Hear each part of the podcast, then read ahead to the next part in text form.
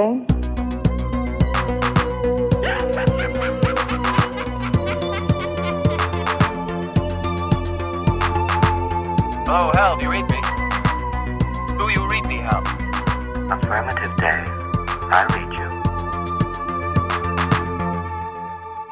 Aflevering 19 van onze Gremlin Strike Back podcast, die ietsje later online is verschenen, omwille van het feit dat een van de co-hosts, Bart de Duitse, in Italië van de wijn en de koffie zat te slurpen en te drinken. Niet waar, Bart? Ik drink geen een van de twee. Ik drink geen een van de twee. Allee, lap. Uh, gelukkig is er nog uh, Sven, die Anne ook niet drinkt. nee, maar wel koffie. Oké, okay, en dan ben ik er die alle twee drinkt, Maarten Melon. Uh, welkom allemaal. Um, wat gaan we deze aflevering uh, onder andere doen? Straks gaan we beginnen met een Stockholm-syndroom. Uh, dat is dus uh, het segment waarin twee gremlins aan de derde een film geven dat hij nog niet gezien heeft, maar de andere twee wel. En welke titels zijn er uit de bus gekomen? Death Machine, Near Dark en Taxi Driver. Uh, dat is dus voor straks. Maar voor, vooraleer dat we effectief van start gaan, nog twee zaken. Eén, uh, uh, social media. Blijf ons volgen op Facebook, Twitter, Instagram en Letterboxd. En omdat dat al iets, iets wat langer geleden is dat we dat uit de doeken gedaan hebben. Wat is Letterboxd? Uh, Letterboxd is een, ook een social media platform waar je eigenlijk een, een, dagboek kunt bijhouden van alle films dat jullie zien. Wij zetten daar alle drie op met onze persoonlijke accounts. Maar uh, deze podcast heeft ook zijn eigen account. En dat beschouwen we eerder als een soort van bibliotheek. Daarin slaan we alle titels op die we in de afleveringen bespreken. En uh, zetten we daarbij in welke aflevering dat die film aan bod komt. Dus voor beginnende luisteraars kan het interessant zijn om een keer een kijkje te nemen. Uh, en te zien over welke films het allemaal hebben gehad. En voor degenen die al geluisterd hebben, kan het ook een naslagwerk zijn. Moesten jullie nog een aflevering opnieuw willen herbeluisteren. Dan de tweede punt is dat ik eigenlijk uh, twee keer mijn excuses moet aanbieden. Eenmaal... Een rechtzetting, of wat? Het is niet waar, het is niet waar, uh, wel, ja, ja, dat, dat, ja, maar dat is puntje B. Puntje A is dat ik mijn excuses... Een rechtzetting, wacht, even een bumper. How long since your last confession? I never confessed. what, what is this? What the hell are you talking about? You, you can't just shoot me like that. It don't make sense. Look in your heart. Look in your heart. What heart? Oké, okay, voor de rechtzetting... Maar kijk, de bumper is er nu toch. Oké, okay, maar voor de rechtzetting toch even mijn excuses aanbieden aan Toeterman Bart. Vorige ah, aflevering... Ja. Vorige aflevering zat ik namelijk in een Stephen King extase en bleef ik maar tetteren, hoewel Bart mij probeerde veelvuldig tegen te houden. Dus Bart, bij deze sorry. Ja, en, vandaag uh, de chance, want mijn kinderen zijn aan het slapen, dus uh, mijn, toeter had, uh, mijn toeter blijft in de broek. Maar ik weet nu, ik, ben, ik ben nu al zeker dat vandaag niet nodig gaat zijn. En dan het tweede, inderdaad, de rechtzetting. in heel mijn Stephen King delirium heb ik dus ook een grove fout gemaakt, want in onze top 3 had ik Salem Slot op nummer 2 staan, mijn eigen keuze. En zei ik dat um, uh, oorspronkelijk Toby Hooper de, de miniserie had moeten regisseren, maar toen dat hij hoorde dat het voor tv was, haakte hij af, omdat hij dacht beknot te worden, waarna George Romero overnam en het is dus juist krak het omgekeerde. Het was Romero... Had Toeterman Bart dat ook niet gezegd in de aflevering? Toeterman Bart had zo voorzichtig proberen van, tja, maar Toby Hooper, Toby Hooper. En ja, ik, ik, ik, ik, had dus niet opgelet. Of het is mij ontgaan. Of kijk, ik vind het al sinds okay, een grove fout. Dus eigenlijk was de bumper wel terecht. Ik vind voilà. het ook heel plezant dat we toch allemaal al eens van die rechtzettingen aan ons broek hebben gehad. Dat, is toch, okay. dat maakt ons menselijk. En wel, ik had het toch nog graag iets langer willen uitstellen. dus ja, voilà, dat was mijn parley als intro. Uh, ik denk dat Bart het over iets helemaal anders wil hebben nu.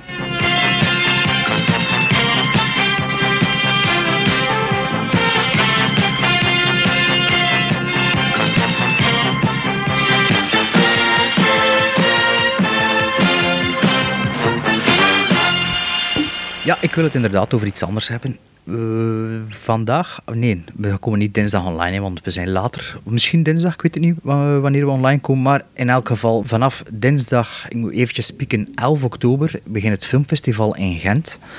Um, en ik dacht, Allee, ik dacht niet, een luisteraar dacht dat het wel een goed idee was om eventueel enkele films aan te raden of uh, het over enkele films te hebben voor het filmfestival. Nu, uh, het filmfestival in Gent is grotendeels een filmfestival dat bestaat over eh, of grotendeels bestaat uit saaie Aziatische films, saaie Oostblokfilms en saaie Zuid-Amerikaanse films.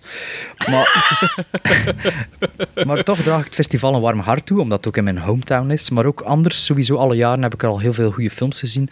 Ook films die ik ehm, op voorhand niet echt veel van verwachtte en eh, die me dan toch konden verrassen. Ik heb altijd een eh, zogenaamde industry and professionals pass of zoiets, waardoor dat eigenlijk... Wauw. ehm, Oh, dat heb ik zelfs niet. Ja, maar ja, je moet dat kopen, dus... Ah, oké. Waardoor dat eigenlijk zoveel films kunt zien of dat je wilt eh, met, met die pas. Oh, dat is tof, Ehm, zeg. oh, je kunt dat ook aanvragen, is Sven. Ja, wel, ik zit al op Ehm, En, ehm, maar ja, natuurlijk eh, kan ik alleen s'avonds de films meepikken of in het weekend. Ehm, vorig jaar kon ik zelfs de eerste week volledig niet gaan, omdat ik niet thuis was. Waarna ik dan mijn eh, in al beweging eh, ingezet heb en op één dag zes films gezien heb. van s morgens 9 uur tot s 1 uur zeker. Waaronder een film eh, die Sven onlangs gezien heeft, eh Le Cowboy. Heb ik toen Ja. gezien die dag. Ja. Het voordeel van die dag was, we waren heel slecht begonnen en het is, elk, het is eh, constant beter geworden die dag. Dus dat was wel plezant. We waren begonnen met een film die enorm, ik denk zelfs een prijs gewonnen heeft daar. The Assassin, een Koreaanse, Chinese, Japanse Van film over... van gehoord. Maar... Ja, stronte saai. Ik was de enige die dat vond, blijkbaar, want iedereen Ah, is nog altijd lyrisch over die film. Ik denk zelfs dat je dat in een andere aflevering ook al een keer gezegd hebt.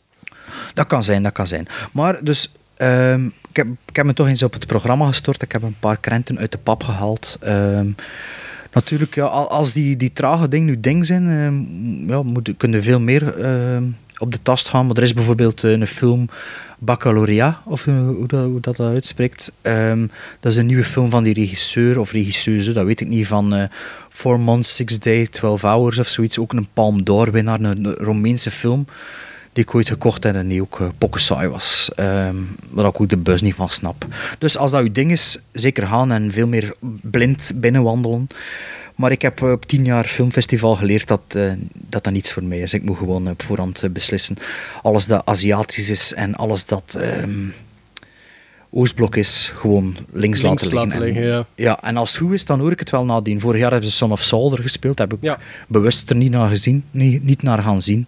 Blijkbaar heb ik dat beter wel gedaan, maar allez, je hoort het dan wel achteraf. En eh, ik bespaar mezelf een hele hoop ellende. En ik hoop de luisteraars dat ook te doen, die de- van dezelfde strekking zijn als ik. Ja, maar Dus, ik wil nu eh, zeggen, want, want eh, laatst in een andere aflevering hebben we toch wel over Aziatische films lyrisch gedaan, hè? Ja, ja, maar je moet daar een beetje... Het, ding is, je moet er- bij dat filmfestival, je moet er een beetje zwart-wit in zien, zijn. Want anders...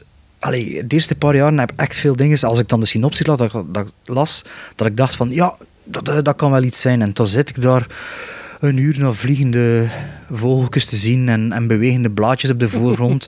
en vier Chinezen die op elkaar trekken, dat niet uit elkaar kunnen houden. En is dat, Uncle, ballet- Bo Uncle Boomshi, of hoe heet die film? ja, nou, ik weet niet. En, en- of, of een balletfilm en zo van die dingen. Dus ik weet, dat is mijn ding niet. Eh, en het filmfestival heeft ook heel veel ehm, eh, subsidies verloren enkele jaren terug. Ik weet niet of dat ze die, die verloren inkomsten kunnen goedmaken heb, hebben op een andere manier. Of dat ze nu effectief met een minder budget werken. Maar vroeger hadden ze altijd een ehm, tentoonstelling die samenliep met het filmfestival. De, de, een Martin Scorsese tentoonstelling enkele jaren terug. Ja, ja, dat is juist. Stanley ja. Kubrick was één. ehm, Ing- Ingmar Bergman, denk ik ook. Was ook een keer een tentoonstelling. Allee, bon, dat is nu ook allemaal niet meer. En ik heb ook de indruk dat er iets nog meer festivalfilms getoond worden dan Ah, ja. vier, vijf jaar Niks, geleden. niet mainstream eigenlijk zo. Nee, niet veel meer. Er zijn er wel. Ze, en dat zijn ook die, eigenlijk die ik een beetje aanraad.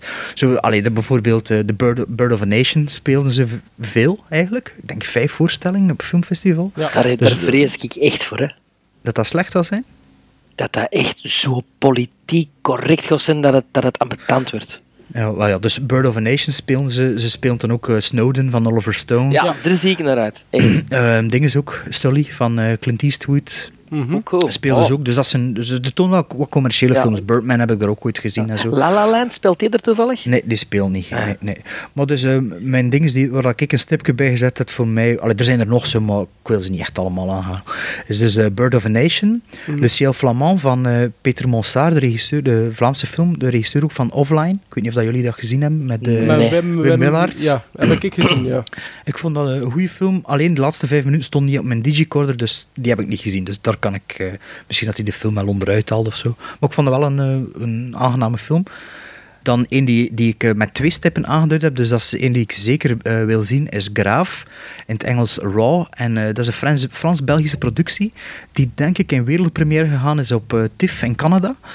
En eh, dat gaat over cannibalisme. En dat is de film, jullie hebben er misschien van gehoord, waarbij dat er eigenlijk veel mensen eigenlijk ziek geworden zijn in, Ja, de, In de, de zaal. Ja, ja. Ja, ja, ja, Ja, dus eh, ja, dat wil ik zien. Hè. Dat wilde zien, hè. Maar je zijn niet altijd een beetje overroepen, al die dingen. Ja, tuurlijk, tuurlijk, tuurlijk. Ah, maar een, een kannibalenfilm, ik ben er wel voor te vinden. Ja, maar ga- dat mensen ziek worden, bedoel Oh, ik. ja, ja, tuurlijk. Ja, ja. Ehm, een andere die ik met twee stippen aangeduid heb, is een Monster Calls. En dat is van Oh. eh, J.A. J.A. Boy- Boyona. Bayona. Ja. Eh, Sven, je, ken- je kent de film al? Maar ik, Eh, had dus die, ik had die eh, op- op mijn lijstje gezet voor de films to watch in 2016. In onze allereerste Ja. aflevering, Ah, ja, ja, de- ja, met ja. Liam Neeson, hè? Ja. Toch? Ja. Nee, dat is dan misschien een andere film. Ah, Of, allee, dat is misschien de vertaling, want het is van een Spaanse regisseur. ja, het is de regisseur Ah, ja. van eh, El Orfanato. Ja, ja, ja. Ah, is dat met Liam Neeson? Ja, dat heb ik niet Ja, gelezen. Liam op de- Neeson speelt een boom. Allee, eigenlijk. Ah, de stem eigenlijk. Ja. Maar hij zit erin, dat weten we niet. Ja, ja. Zit Dus erin, Monster. Calls is inderdaad van de Spaanse regisseur eh, Bayona. Ja. En ehm, van de, de regisseur van de fantastische film eh, The Orphanage. Dat is fantastisch, Of Lorfenano. Ja. Of, eh, voor die die dat niet kennen, dat is, dat is eigenlijk de volgende Benicio del Toro. eh, nee, de andere. eh, Guillermo Guillermo, del Toro. Guillermo, ja. Ja. Een beetje Pan's Labyrinth. Het is ook geproduced door hem, de, pro- de, orphan, Ja, de Orphanage. Deze zeggen, weet ja. ik niet. Ja. En het is ook met, eh, niet alleen met uh, hoe het, Liam Neeson, maar ook met Sigourney Weaver en eh, Felicity Jones speelt ook in, eh, in de film. Dat over een 12-jarig jongetje wie zijn moeder op sterven ligt of die ziek is en die telkens opnieuw dezelfde nachtmerrie heeft met een monster uit zijn tuin. Dus die wil ik, die wil ik zeker zien, maar ik denk dat hij op hetzelfde moment speelt als Graaf. Dus ja, moet wel keuze maken. Dus, Ja, wel, dan zou ik, ja, dan zou ik Graaf kiezen, omdat die andere volgens mij een Uitgekomen. mainstream release gaat hebben. Ja. Dat denk ik ook. Ja, dat is ook een beetje de keuze met een filmfestival. Dat een beetje de dingen moest zien die misschien geen release Voilà, krijgen. Eh, wat ik ook eh, met eh, een één stipje genoteerd heb, is The Wave. Het is een Noorse eh, rampenfilm over een tsunami.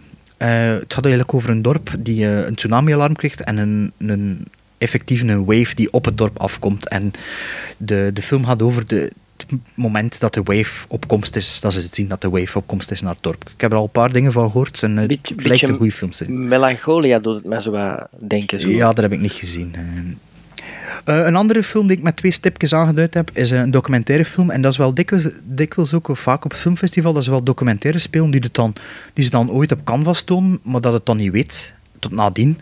En eh, dat is dan wel een keer een gelegenheid om wat documentaires op een groot scherm te zien. En eh, dat is eh, Supersonic. En dat is de documentaire gemaakt door de regisseur van Road to Guantanamo. En dat gaat over de beste Britse 90s band, Oasis. En blijkbaar heeft hij onge- ongelimiteerd access gekregen tot al het materiaal dat beschikbaar was van de twee broers. Dus ik ben wel benieuwd naar die film. Eh, ook een film die waarschijnlijk binnen drie maanden al op televisie is. Maar dan, eh, als ik kan, ga ik zeker die zien. Een andere die zeker niet op televisie zal komen is eh, Close, Close Encounters with the Vlimos Zygmunt. Zygmunt.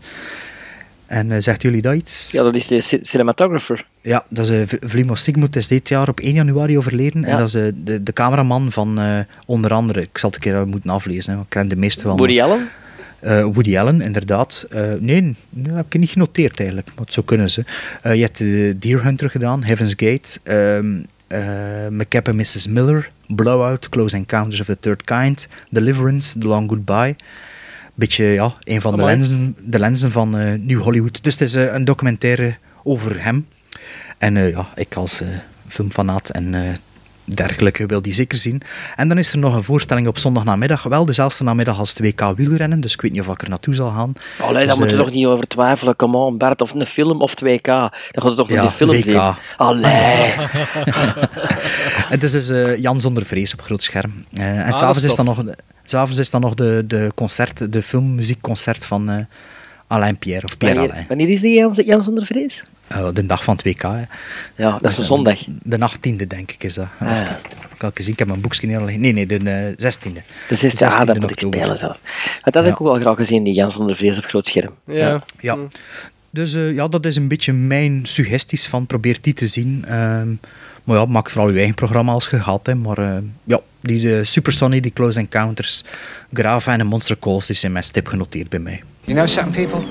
You're going to be remembered the rest of your lives for the day you got held up and kidnapped. victims of Stockholm Syndrome develop compassion and loyalty towards their captors. Never say no to a hostage taker. It's in the manual. Gremlins Strike Eh, waar de twee gremlins voor de derde gremlin eigenlijk een film kiezen. En we gaan beginnen met de film die, die, die we hebben gekozen voor Maarten. En dat is Death Machine, een film uit 1994 van Stephen Norrington. En Stephen Norrington, misschien wel gekend bij de luisteraars als regisseur van de originele Blade. Ehm, die had het scenario ook geschreven van die Death Machine, heeft de regie gedaan. Ik heb de film zelf in de cinema ooit gezien. En ik vind dat je als grote science fiction liefhebber zeker hij moet gezien hebben. Maar wat vindt Maarten ervan? En over, Maarten, refresh our memory. Over wat gaat hij? Wat een inleiding. Wat een inleiding. Oké, Death Machine. Death Machine gaat over, eh, speelt zich af in de nabije toekomst. Waarin een, een organisatie genaamd Shank Armaments experimenteert met het creëren van de ultieme vechtmachine. En dat is eigenlijk gewoon een soort half mens, half machine. En dat loopt niet van een lijn dakje met enkele doden als gevolg, waarna dat de uitvinder daarvan, zeker een Jack die gespeeld wordt door Brad Dourif, eh, door de nieuwe bazin ontslagen wordt, waarna de stoppen bij hem doorslaan. En eh, eh, wat dan niemand weet, is dat hij het geheim een soort eh, eh, metalen moordmachine heeft ontworpen en hij laat die vervolgens los in het gigantische gebouw. Uh, Sven zal het niet zo graag horen. Uh, dat denk ik niet, hè? ik zal beginnen bij het begin. Wat ik heel tof vond aan Death Machine, is dat het mij eigenlijk terugbracht mentaal naar de hoogdagen van de videotheek. Ja. Um, ja, dat klopt. Um, want ik heb zelfs speciaal de, de, de, de VHS-hoes gegoogeld. En um, ja, dat is een prachtige hoes, hè. En, en ik zie die dan staan tussen al de andere titels, uh, zo de nieuwe releases. En dat is sowieso een film die vaak zal gekozen zijn, maar waar dat er denk ik menig man zal van teleurgesteld geweest zijn. Maar kom, het was een vrees hoes. Hè? Dus de hoogdagen van de uh, videotheek. Ik heb juist mijn verhaal verteld dat ik ging straks vertellen. Maar, allee, ik zal het straks dan wel nog eens vertellen. Ja, maar, alright. Ja. Nu, um, ik moet wel een klein beetje nuanceren. Ik denk wel dat mijn beoordeling uh, wel iets te maken heeft met het feit dat er drie versies bestaan van Death Machine uh, qua lengte. Uh, de gewone cut, denk ik, de, de bioscoop cut was 99 minuten. Je hebt dan een director's cut van Steven Norrington van 111 minuten. En ik zag, jawel, de final cut die in totaal 2 uur en 8 minuten duurt. Wauw. Ja. Oeh. En um, denk mede daardoor vond ik Death Machine niet zo goed. Oh, jij hebt de 2 uur en 8 minuten Twee gezien? uur, ja, de final cut heb ik uh, gezien. Ja, Wacht, hè, dus dat, hoeveel minuten meer dan de theatrical is dat? Dus de dat theatrical een half uur langer. Ja, ja, ja, ja, een half uur langer. Um, wat is er goed? Um, een absolute highlight is, maar dat mag ook niet verbazen, is Brad Dourif in Death Machine. Ja, dat is een acteur die volgens mij zo wat altijd amusant blijft, uh, al is die aan het overacten dat geen naam heeft. En zelfs dat is leuk voor naar te kijken. Um, de um, Death Machine zelf vond ik qua design ook niet slecht, maar ik vond dat hij niet altijd goed werd gebruikt. Um, dus, dus een zware knipoog naar, naar uh, het pak dat Sigourney, Sigourney Weaver aan heeft in ja. Aliens. Hè? Ah, bij mijn ja. volgende ding wil, uh, ging ik zeggen dat Aliens ook nooit niet ver weg is. Mhm. Uh, niet alleen daardoor, maar ook het blauwe kleurenpalet en Ja. bepaalde shots, camera-shots. Allee, komen toch ook wel duidelijk uit. Maar die regisseur had toch ook nog op Aliens gewerkt en zo, hè? Als Ja, eh, special effects guy, hè? Ja. Ah ja, ah, oké. oké. Ik dacht dat hij dat misschien ontworpen had of zo. Ehm, dat vrouwelijk hoofdpersonage kon mij niet bekoren. Een zekere Ellie Puget, of Puget, die ik eigenlijk zelfs niet ken.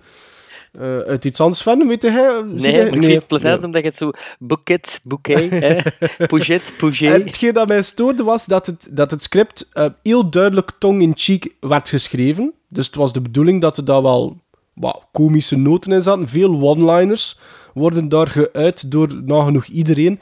Maar ik vind dat die bijna allemaal door de mand vallen. En dat, voor mij vond ik dat echt niet werken. Maar ik denk dat het probleem is voor mij, omdat ik een versie heb gezien die een half uur langer uh, duurt, is dat Brad Dourif verdwijnt in mijn versie heel vaak voor hele lange stukken.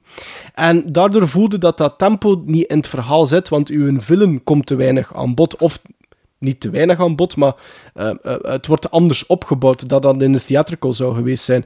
En aangezien dat dat voor mij mijn enige lichtpuntje was, dan bleef ik daardoor wel met honger zitten. Mm -hmm, ja. um, nu, je hebt inderdaad gezegd dat die Norrington, dat die... Um, inderdaad Blade eh, geregisseerd heeft. Die man heeft maar vier films als regisseur op zijn palmarès staan. Ehm, dus die Death Machine was zijn eerste. Dan hadden Blade, dan hadden we een zekere Last, The Last Minute, wat ik nooit niet gezien heb. En dan hadden in eh, 2003 het beste tenenkrommend slechte The League of Extraordinary Gentlemen. En ik denk, ehm, als je Ah, het... dat was, eh, dat was een ding. Dat, dat is, ja.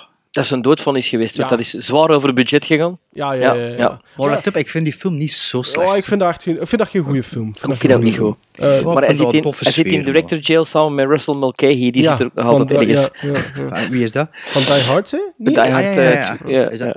Twee, Die Hard 2. hè. Russell? Ah, ja, ja, Hard want 2. John, John Dinges is van Die John, Hard Mc- 1, hè? John McTiernan, Maar de Russell eerste. heeft de Russell tweede Mulcahy gedaan. heeft een tweede gedaan. Ja. Ja. Ah, ja, ja. Ehm, nu, dus ik denk...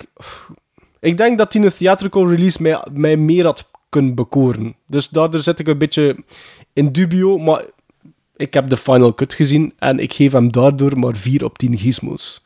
Hm, En Sven, jij hebt hem waarschijnlijk niet meer gezien sinds de cinema. Ik heb hem niet meer gezien sinds de cinema, maar ik, ik kan me nog levendig scènes eh, eh, eh, voor de geest halen. Ik vond dat er ook zelfs een hele zware knipoog naar, naar Child's Play in zat, door Brad Dourif dan. Met zijn lang haar Ja. ook. Ja. En het personage dat hem speelt, zo, is zo wat, ja, heeft soms wat trekjes, of Ja. is dat omdat je die zo vereenzelvigt met dat personage in Child's Play met Chucky. Ehm, maar ik vond dat best een, een, een ja, popcorn kiddie horror, bijna, Dus allee, kiddie science fiction. Dus Dus- is dus- 20 jaar geleden, hè, als je nu popcorn van 20 jaar geleden dan niet zo goed was. Ja, maar, ja, maar ja, ik hou er wel wat van. Hè. Dus ik, ik geef hem 5,5. Dus ik zit niet ver van Ja. u. Nee, maar ik heb, vond- ik, Hij is, hij, is, hij is er door voor mij. Ja.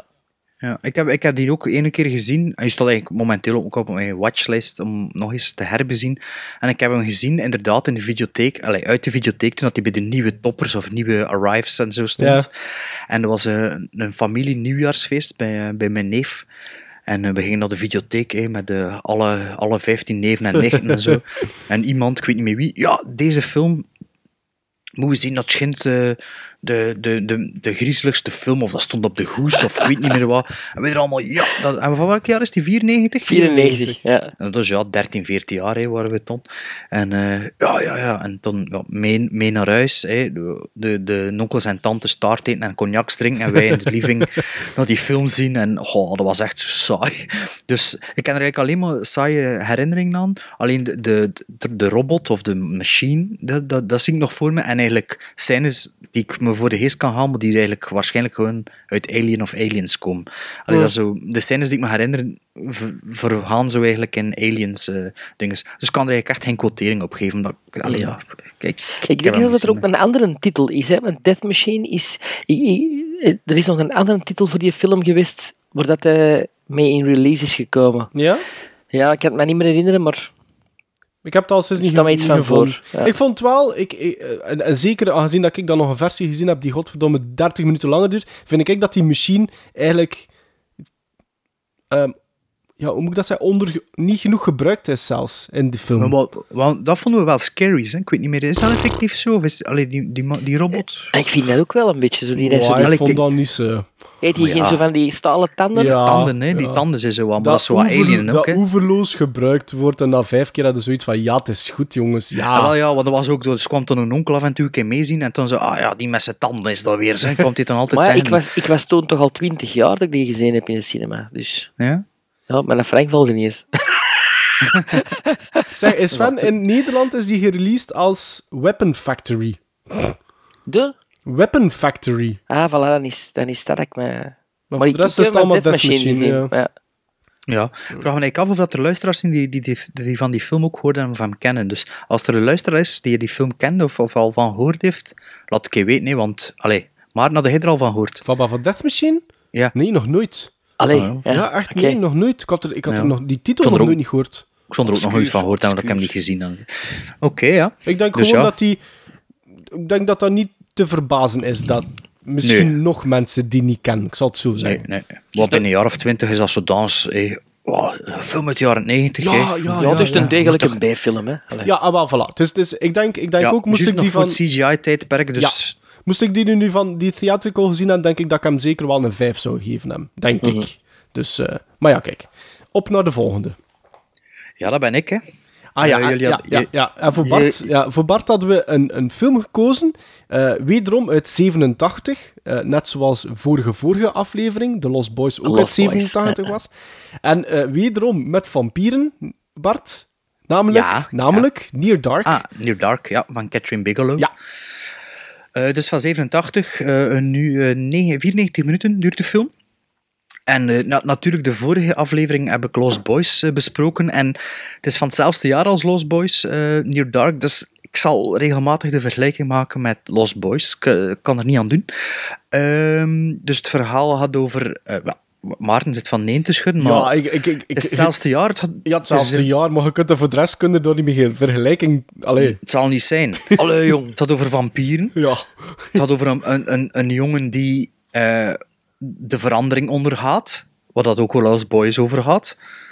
Ja, maar Ja. qua tonen... Daar gaat een is- vampierenfilm over. Ja. over Nee, eigenlijk nee, dat is de- niet waar. Dus laat me gewoon wel eens ding nog doen. over de seksuele ontdekking van... Doen.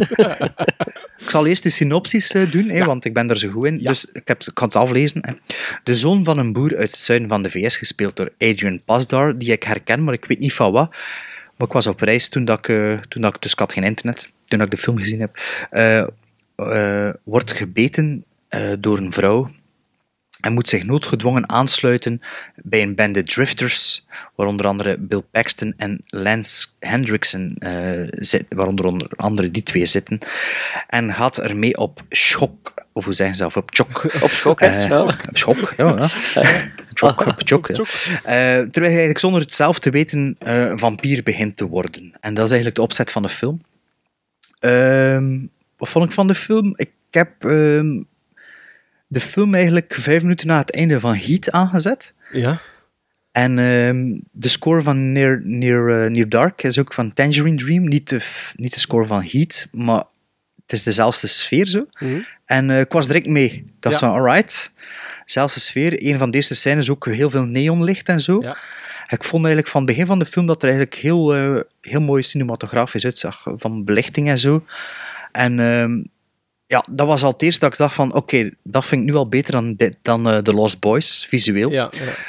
Ehm, en ja, ik zeg het, ja, de, dus de sfeer van Heat zat echt nog in mijn hoofd.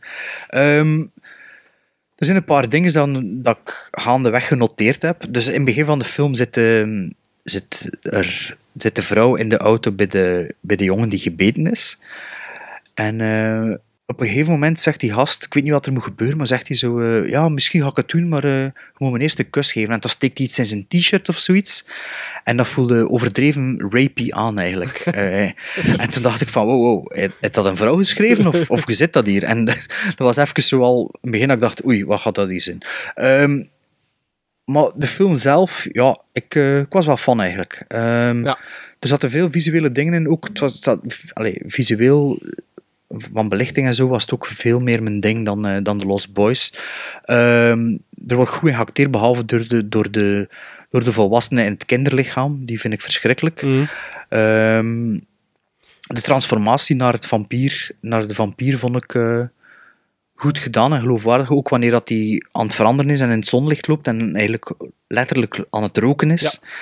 Ehm, vond ik eh, verrassend eigenlijk. Ik, had, ik heb dat niet echt nog gezien in een andere film.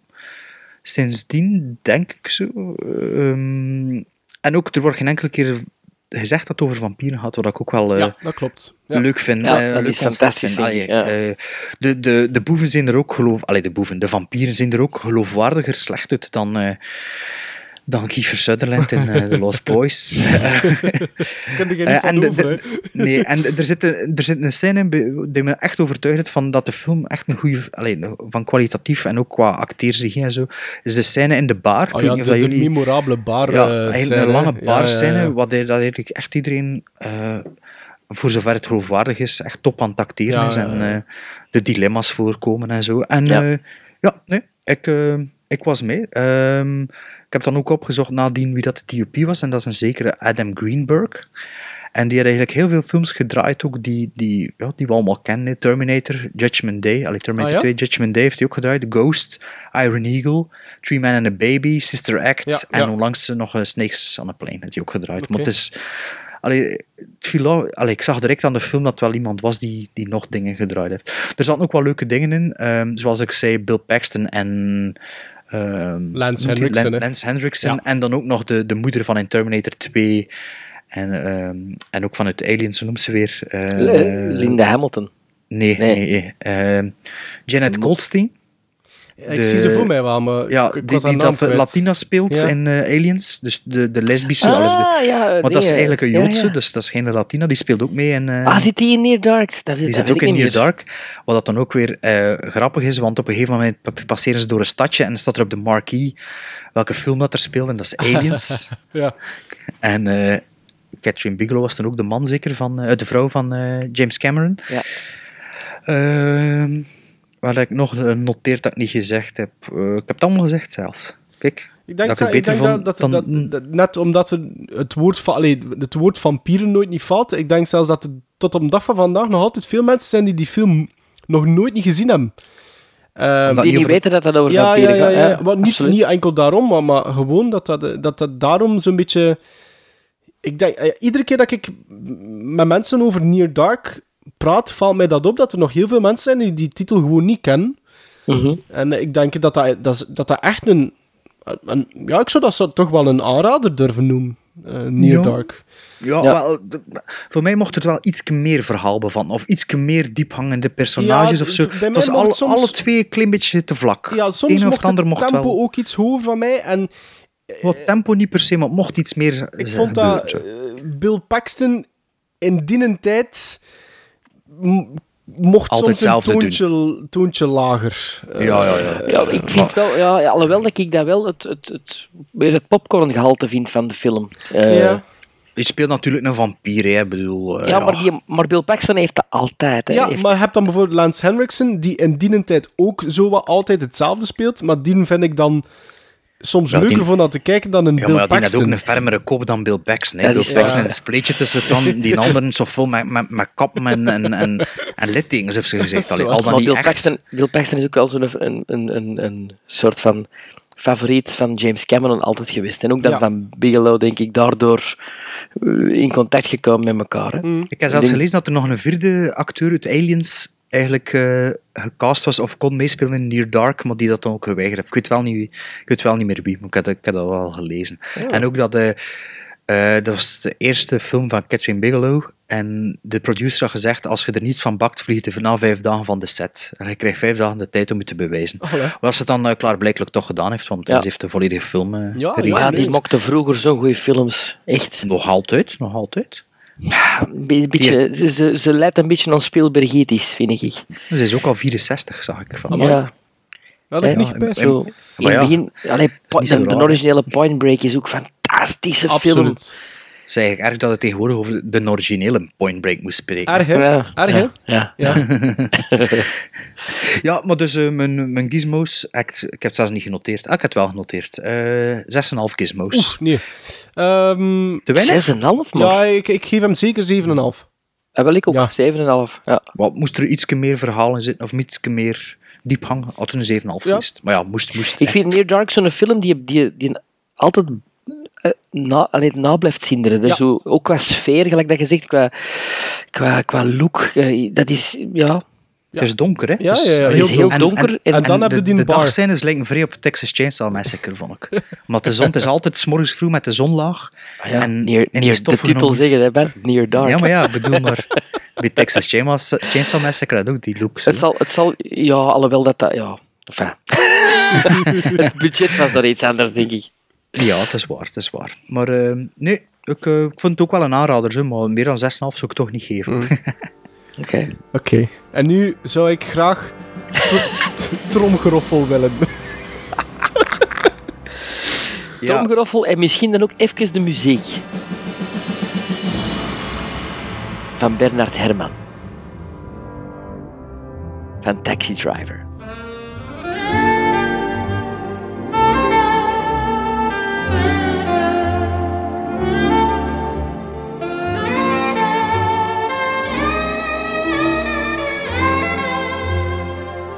Ja, dat zat dus ook al in mijn, z- in mijn zomermixtape. Hè, dus eh, Het is al de tweede keer dat dat nummer voorkomt. Maar ja, het is wel een prachtig nummer natuurlijk. Ja, dat is, en dat ook is... een schizofreen nummer, hè, dat ik de vorige keer al vermeld heb.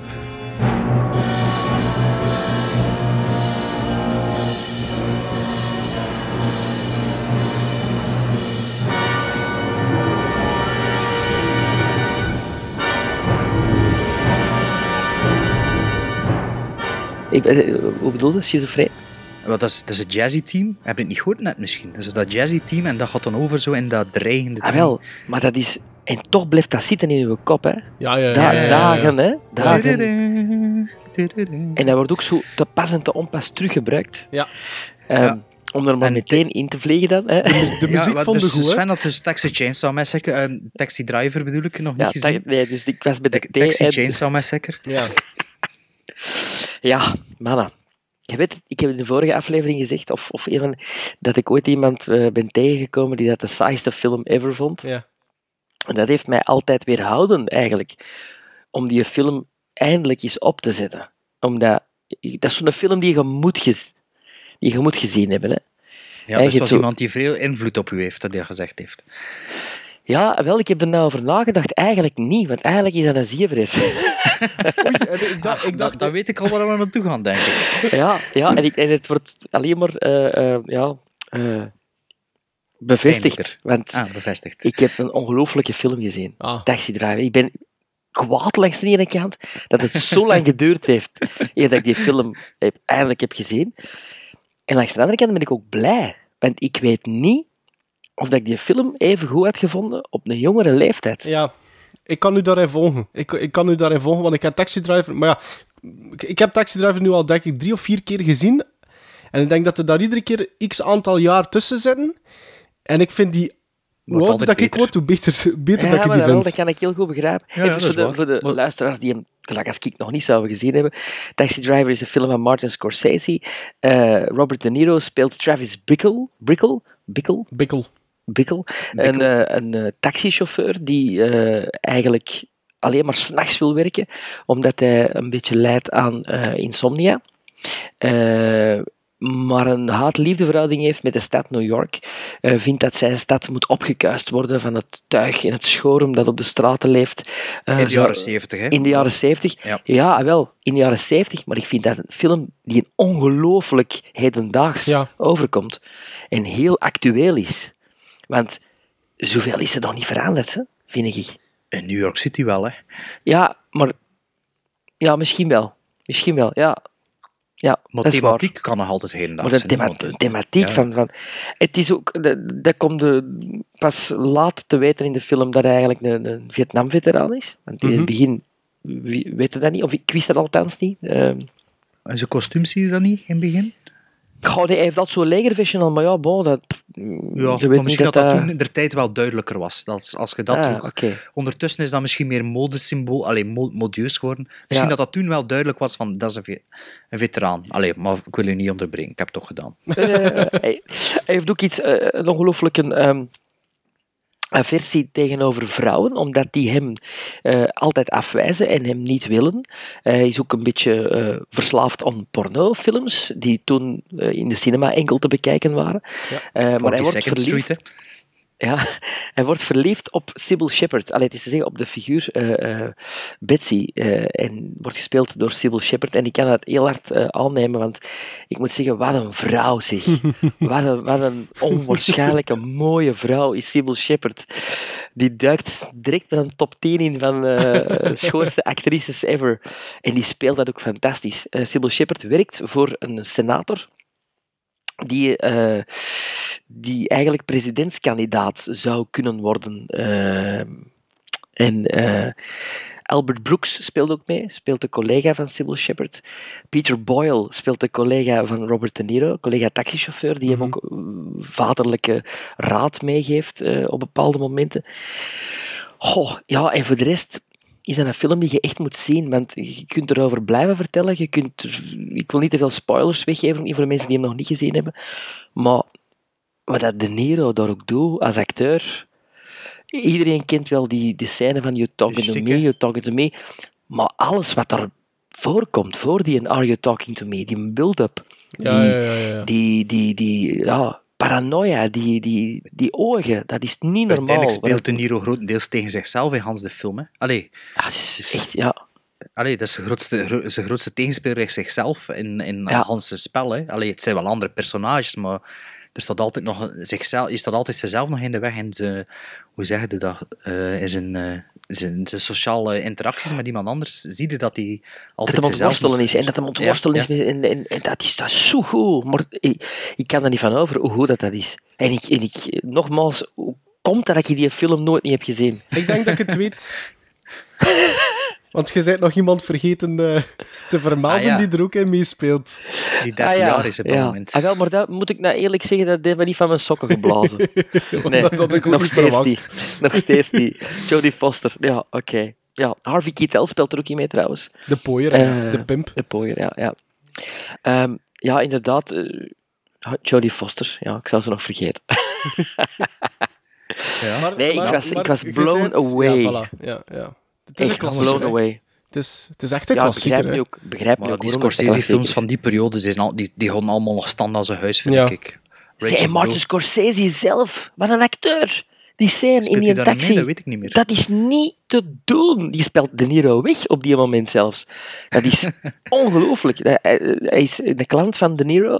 Die is, en, en, en hij zegt van, stop hier maar onder dat huis en zie je erboven, dat is mijn vrouw die er staat, maar dat is niet Ja, mijn ja, ja, appartement. juist. Want mijn, juist. want Maar mijn ik, ik vrouw... ging die de afgelopen twee weken Taxi Driver nog eens herbekijken, maar het is er niet van gekomen. eh. Ik kan, ik kan Maar- niet te veel maar- zeggen dan, maar het is Ah ja, maar, echt... maar, mag het zeggen, maar... ehm, Geweldig, geweldige scène. zien, hè, dus.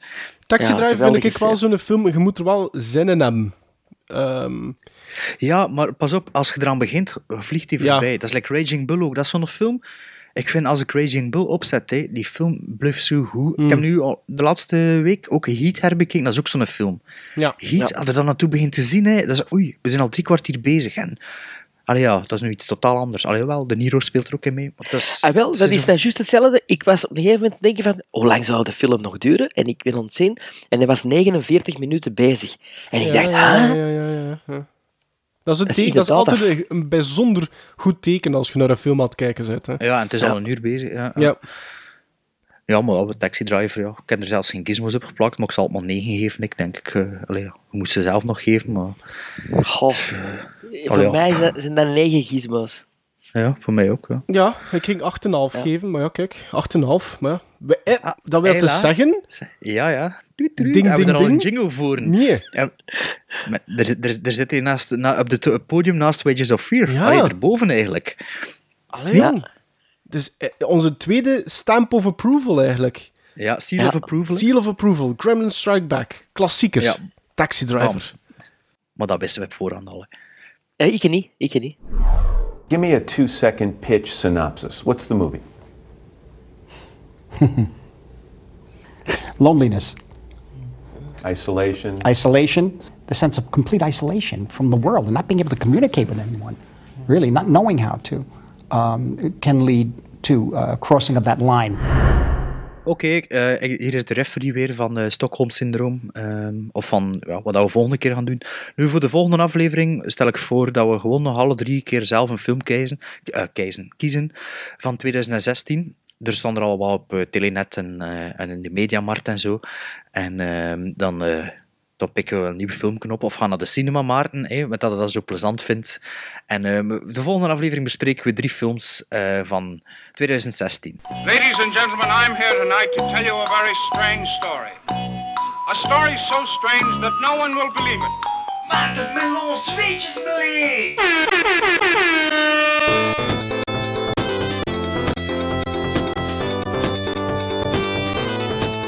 my partners and I, have brought back the living proof of our adventure.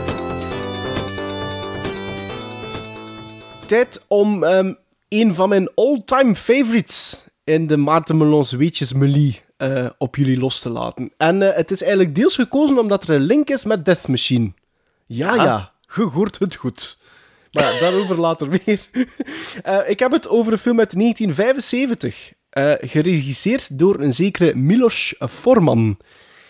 79 zijn het? 75. 75. One Flew Over Eh, Cuckoo's Nest. Ja, inderdaad. inderdaad. Dat is een Oh, van mijn Brad all-time favorites, inderdaad, met Brad Dourif. In zijn allereerste rol, Billy Babbitt. Billy Babbitt. En hij heeft er zelfs een Oscar-nominatie aan overgehouden voor Best Supporting Actor.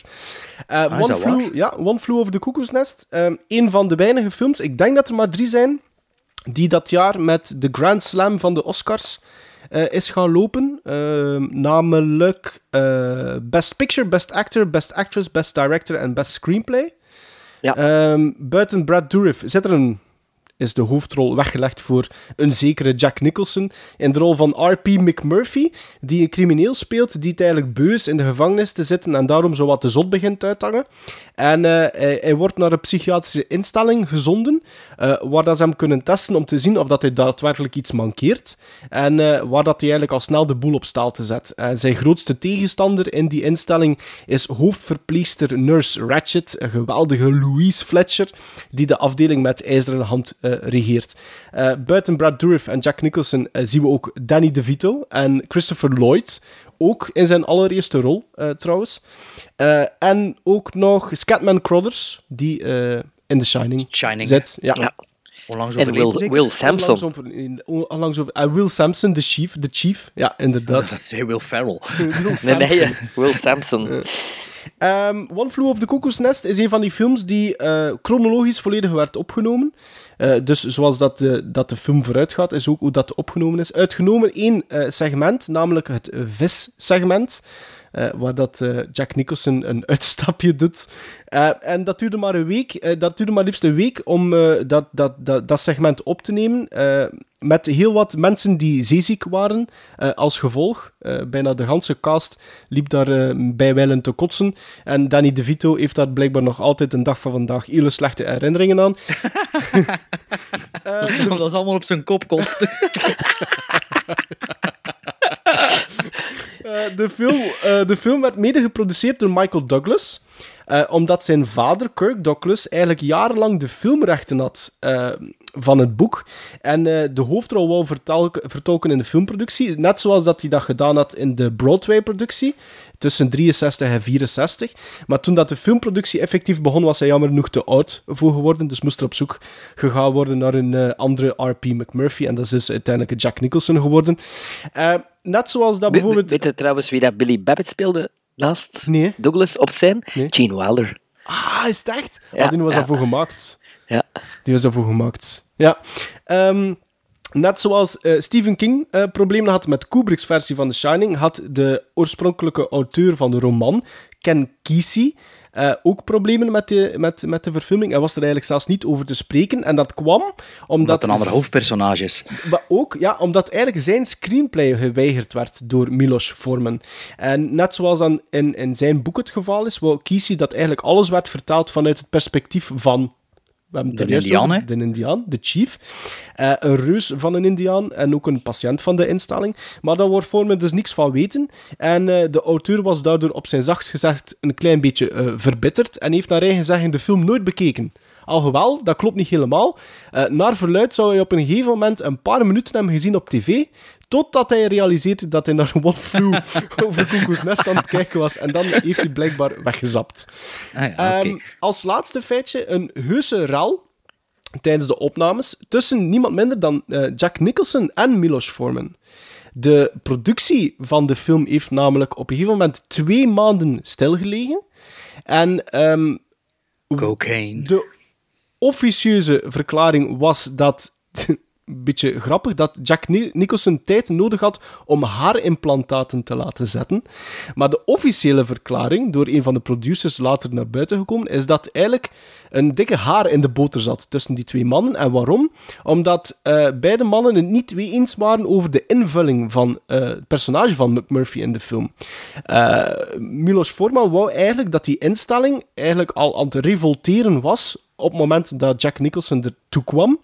Maar Nicholson had er een probleem mee, want hij zei van, ja, maar wat, wat kan mijn personage daar dan toch daar nog toe bijdragen? Want het is eigenlijk de bedoeling dat ik ze opjut.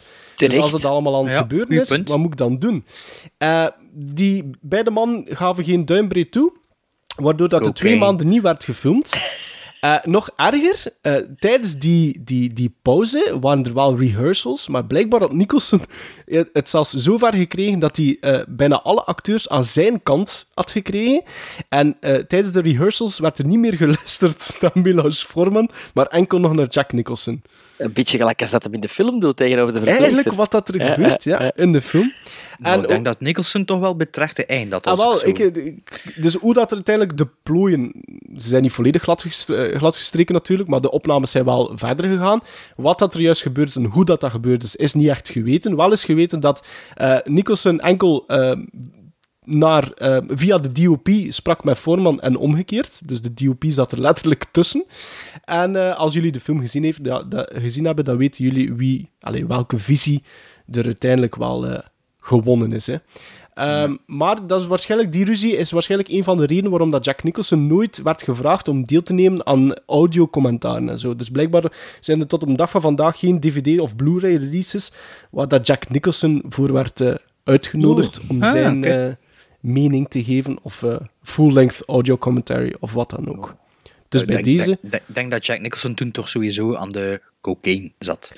Dat kan. Nogal veel, dus eh, dat Ik zal misschien ook er wel toe... af, ik denk dat Af, er uit afgebleven, ja, nee, nee. maar dat toen misschien nog wat puurder was. Ja, ja. Onversneden. Nee, ja, dat is ook zo'n film, hè, like Taxi Driver, One Flew Over the Cuckoo's Nest. Elke keer Mhm. dat hij hem ziet, wordt hij beter. Hè? Ja, ja, ja. Ook een instant, allee, instant klassieker. Het is gewoon een steengoeie film.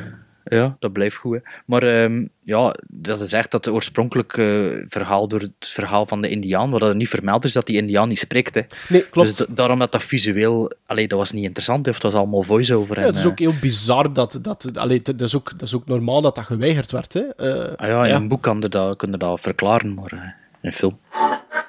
Lasciatemi cantare.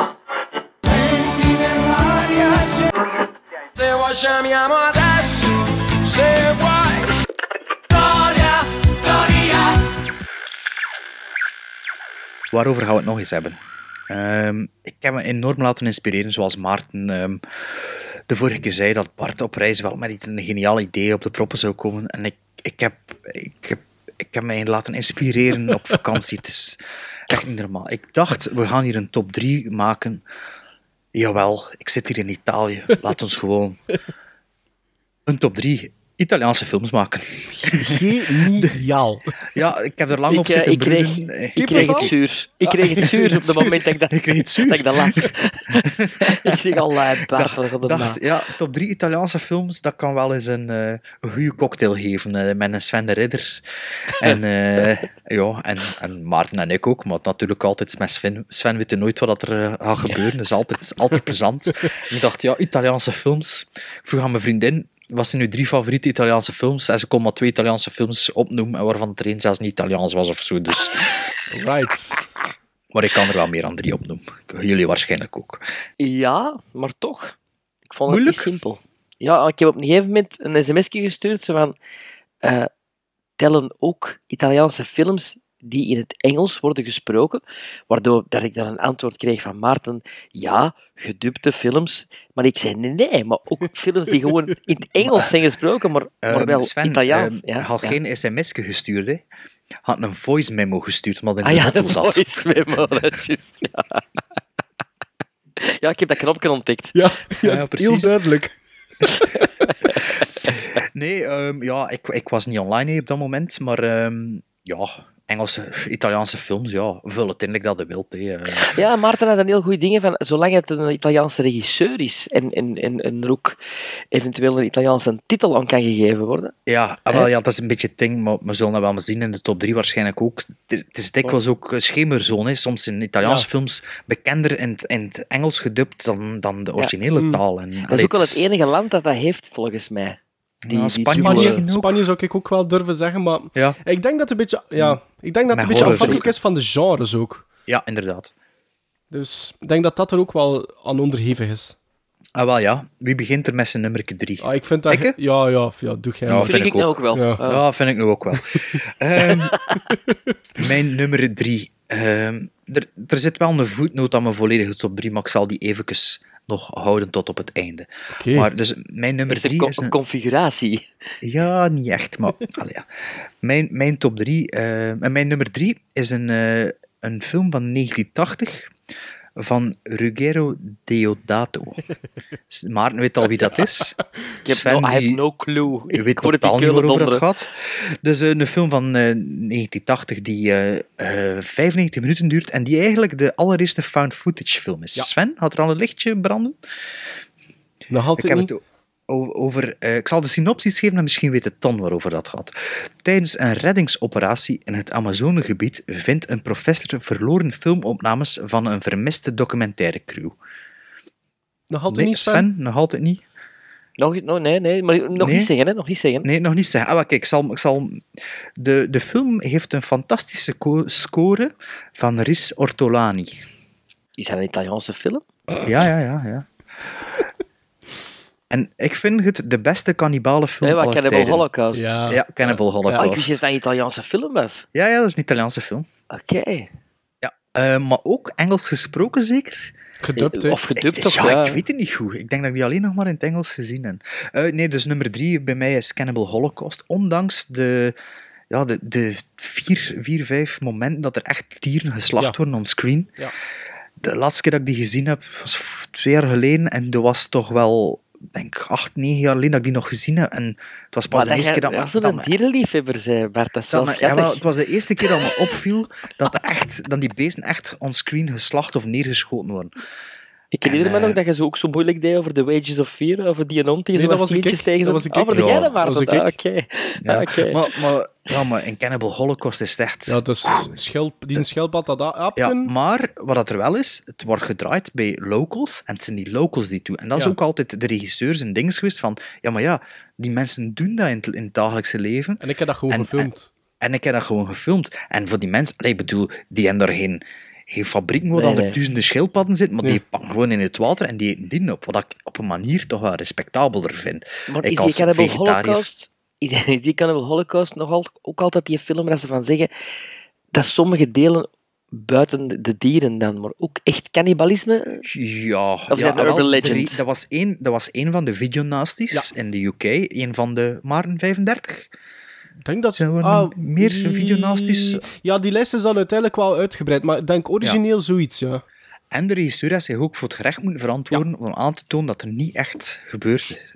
Dus eh, qua realisme kan dat wel tellen, Mhm. kan, ik denk, eh, kan je kunnen stellen. En ik vind nog altijd dat de film ziet, de shock value en de, de gore, het is, het is levensecht. ja hè. prachtige effecten, hè. Prachtig Ja, gedaan, hè. Ja, prachtig gedaan, Ja, inderdaad. allee, en, maar ik vind de, de, echt- de boodschap van de film, er zit wel een boodschap in en die is ook nog altijd actueel. En ehm, ik zeg, je, allee, ik vind, de laatste keer dat ik die gezien heb, was nog altijd verrast door de boodschap en was van, ah ja, juist, het zit zo. En ehm, ja, nee, ik vind dat, ehm, ik heb die voor de eerste keer gezien wat, toen ik wat, is de, 14... wat, wat is de boodschap? Want ik denk dat ik die niet mee had. Wel, als je de film tot einde ziet, weet je de laatste tien minuten hoe dat de vork in de steel zat, met Dan moet ik hem nog eens terugzien. Ja, ja. Want ik was dat ook vergeten. Niet En- spoilen dan. Nee, nee, ik zal het niet spoilen, maar ook voor mensen die hem nog niet gezien hebben. En ik, ja, ik, ik ja. Ja, de, de, weet je wat het is? Er zit, er zit in die, in die B-film zit er echt wel een boodschap. ja, ja. ja En nee, dat, dat is echt van, ja, oké, het, is, het is waar wat dat hier allemaal getoond ons. Alleen niet waar in de zin van het echt gebeurt, maar ik volg u in uw, in uw redenering. Ja. En, ehm, en dat is een van de sterkstes van de film, ondanks dat ik zeg, die, er zijn zoveel verhalen ook rond die film, wat dat per se een film niet beter maakt, maar ik vind de filmstijl, allee, of omgekeerd eigenlijk, ik vind dat de film op zichzelf nog altijd stand houdt. Ik was 13, 14 jaar toen ik die voor de eerste keer gezien heb, en dat was dan op basis van shocking op de hoes Ja, hè, ja, van de videocassette. En ja, ik vond dat toen al echt een goede film. En dat, ik was daar niet door gechoqueerd. Of, of, allee, dat is dan ook mijn persoon. Ik persoonlijk, ik snap wel dat je dat niet kunt verdragen. Allee, dat je er niet kunt naar zien. Maar eh, ja, topfilm. Nummer drie. Alright. Ja, dat is een goed begin, vind ik. Wie gaat er nu? Zal ik gaan om dat een beetje te counteren? Wel, mijn eh, derde film, eh, voor mij de derde beste Italiaanse film die ik gezien heb, want Ja. hè, daar gaat het over, hè, want er zijn heel veel films die ik nog niet gezien heb, is een, een, een comedy. Oké. Eh, is een film van 79. Oh, dat is een plezant spelletje worden hier. Oké, Ja. oké.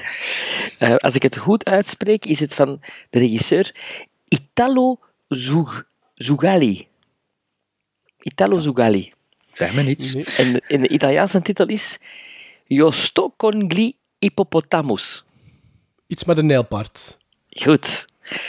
I am for the hippopotamus is een Engelse titel. Nog nooit van gehoord. En het is de film met Bud Spencer en Terence Hill. Ah, Oké, ja. Ah ja. Bud Spencer. Ja. En het is de eerste En film die ik in de cinema zag met eh, dit oorlijke duo. Duo, ja. Ehm, en ik was meteen verkocht door de affiche. Want op de affiche eh, zit Terence Hill eh, op de schouders van Bud Spencer. En de Nederlandse, de Vlaamse titel was eh, ehm, De krokodil en het nijlpaard. En ik weet, als, als kind was ik getriggerd, omdat ik heel veel eh, met eh, dieren uit Afrika bezig was in die periode, door die affiche waar dat ook een krokodil en een nijlpaard op stond. En de krokodil en het nijlpaard. En wauw, wat gaat dat zijn? En die film speelt zich ook af op safari. Want ze zijn twee, eigenlijk twee eh, ehm, hunters. Ehm, eh, Nee, eigenlijk geen hunters. Ze zijn eh, gidsen die, die het aan de stok krijgen met, met, met stropers en met Ja. hunters. Ja. Maar het is een, tot op de dag van vandaag vind ik het... Ik ben een grote Bud Spencer en Terence Hill fan, trouwens. Mhm. Eh, en, en, en, en omdat het de eerste is die ik ooit gezien heb, denk ik dat het ook nog altijd degene is waar ik het meest van hou. Ik heb hem zelf op DVD. Ik heb hem ook al ettelijke keren teruggezien. En ik blijf het een, een, ja, een steengoeie eh, ja, vuistenfilm hè, vinden. Een vechtfilm. Ja, maar nee, niet, is niet echt vechten wat hij doet. hè. Knokfilm. Knok, knokfilm, ja. Ja. De vier vuisten. Ah ja, de vier vuisten op safari is ook nog een andere titel. De vier vuisten op safari. Ja, ja. Nice. nice. Oh, dat moet toch een plezante job geweest zijn, hè? Die, die, die films zo vertalen ja, van, die, ja. van die one-sheets in het Nederlands. Maar Of vond Nederlands in- slash Frans. Zo, hè. Ik vond die van een Italiaanse top 3 dat er zeker een Terence Hill En Spencer. Van welk jaar is dat? Van 79. Waren die, hoe, lang, hoe lang waren die dan al actief als duo eigenlijk? Weet jij dat? Ik denk van eind jaren 60. Dan al? Ja. ja. Ik moet zeggen, toen dat Bud Spencer overleden was, is pas toen dat ik wist dat dat een Italiaan was. Ah, maar ja, ik, dacht ja, altijd, ik dacht altijd dat dat een Amerikaan was. Allee, ja. Nee, nee, het zijn twee Italianen, hè. Alle, alle, Ja, ja, allebei. ik weet het. Maar, ze, ze, ze dubden zichzelf wel, hè. Ja, ja, ik weet het. Dus Dus is daarom dat ik ook altijd dacht van... Ja, ik heb er ook ja, niet zoveel films... Ik dat ik al bij al drie Bud Spencer films gezien heb. Meen je dat? Ja. Oh, ik denk dat ik ze is- allemaal heb gezien.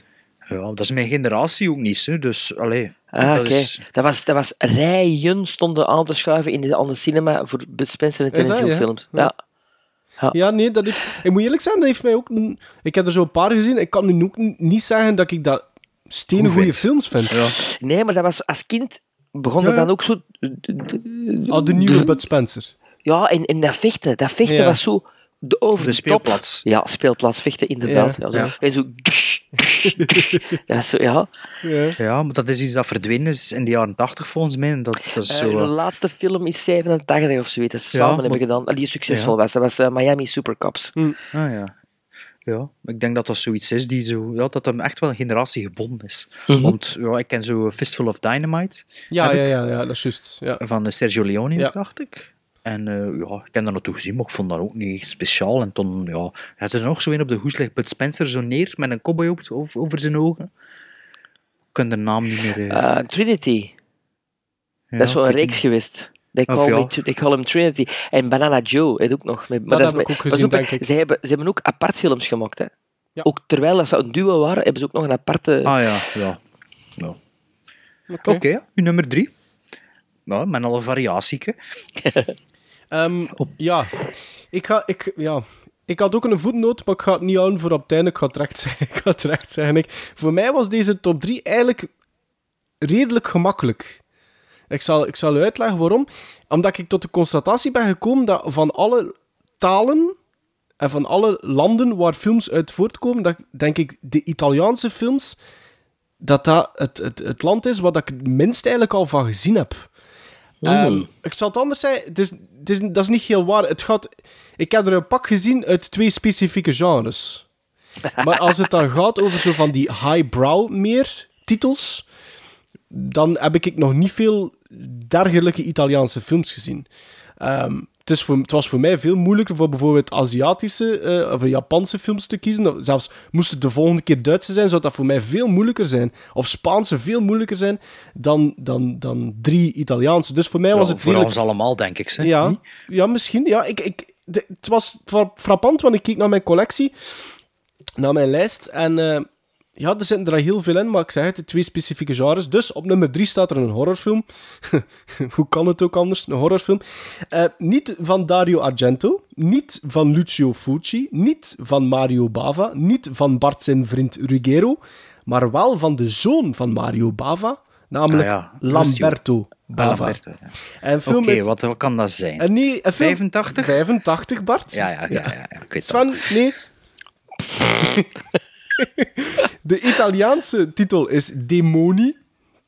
De Engelse titel Ah, ja, is ja, Demons. ja. Demons, ja. Ehm, ik heb Demons voor het eerst gezien, denk ik, toen ik 18 was. Wacht, wacht. Sven, heb je al ooit van die film gehoord? Nooit van gehoord. Ik ben hier met open mond aan het luisteren. Maar, ja. Dat is echt wel een Maar we hadden ook klassieker, niet van? Bud Spencer gehoord, hè? Nee, nee, Bud Spencer Allee, wel, maar niet maar van die film. van die film. nee. Ja. Nee, maar dat is echt wel een klassieker, hè? Demon. Demons? Ja, Demons. Ja, ja. Ik, heb, ik heb die film voor het eerst gezien dus toen ik 18 was. Ehm, en dat, ik denk dat, dat was het tweede jaar dat ik eigenlijk zelf aan mijn filmcollectie begon te bouwen. Dus dat ik effectief zelf dvd's begon te kopen. Dat waren, als ik dit misschien de hoogdagen van de videotheek waren, was de, die periode voor mij de hoogdagen van de Free Record Shop. Eh, toch voor mijn portefeuille alleszins. Ehm dat was dus zo'n periode waar dat ik ook begon meer en meer eh, te kijken naar andere ehm, landen omdat ik het zo wat gehad heb met die Amerikaanse horrorfilms bijvoorbeeld. Dat was allemaal eenheidsworst.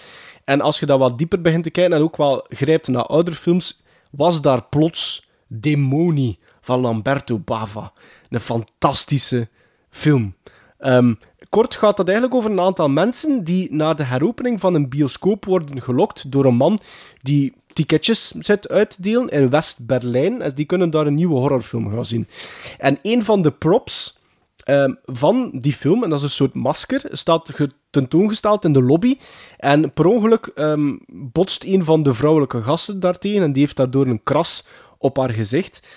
Nu, is het eh, daardoor, of is het door de film, of een combinatie eh, van die twee? Eh, de vrouw begint plots een trans- transformatie te ondergaan eh, naar demon, begint anderen te infecteren, die dan anderen beginnen te infecteren. En dus is het eigenlijk eh, aan een groepje overleden, overlevenden eh, om in leven te blijven, natuurlijk. Ehm, ik weet nog goed dat ik Demoni voor het eerst heb bekeken toen ik lasagne aan het eten was. en ik ben gestopt Italiaans. met eten. ja, ik ben gestopt met mijn lasagne te eten.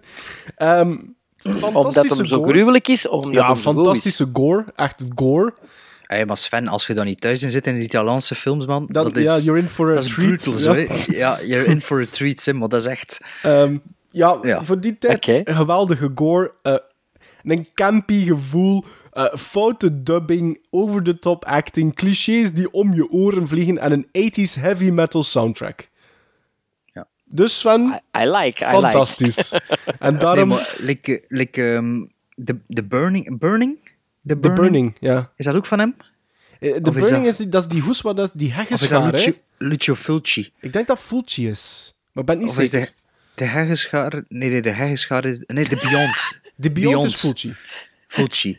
Dat is ook zo gory tot Ja, en met. ja, ja, ja. Dat is echt ogen die, die in tweeën gesneden worden in beeld en zo van die dingen. Dat Het is echt... zo eh, Aziatisch, zo toch wel. ja, ja, ja. Ah, Ja, Ja. ja, ja. ja. Maar, maar, of bloed is, maar bloed is dan wel groen of zoiets. Het of bloed zo. in Demoni is, is bloedgroen, ja. ja. Voilà, ja, het is, het is, het is zo... Maar echt, ik vind is- dat een fantastische film. Sven, dat is een genre dat u nog kunt in verliezen, volgens mij. Oké, oké. The preview you are about to watch is for a movie that is unlike any you have ever seen before. It is for a movie that goes beyond temporary fear to everlasting terror. It is a movie called Demons. They will make cemeteries their cathedrals, and the cities will be your tombs. Will you survive it? Demons. Iedereen heeft zijn nummer drie gedaan, hè? dus dan is dat mij. Hè?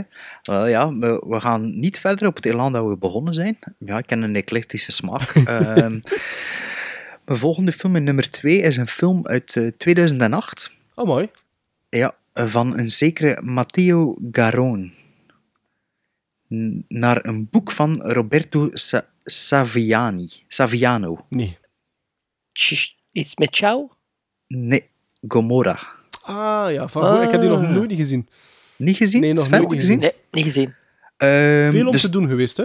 Veel om te doen geweest. Ja, die mens Eh, zelf, die kan niet meer buiten komen. Nee, de, de, de schrijver van het boek zit, zit ja, ergens verborgen. ondergedoken, Eh, ja. Ondergedoken, eh, omdat de maffia hem zoekt. Het, had dus, eh, het is dus een, een soort mozaïekverhaal van vijf, dacht ik, vijf personages die, ehm, die elk verweven zijn of betrokken zijn bij de Napo Napolitaanse of Napolische maffia.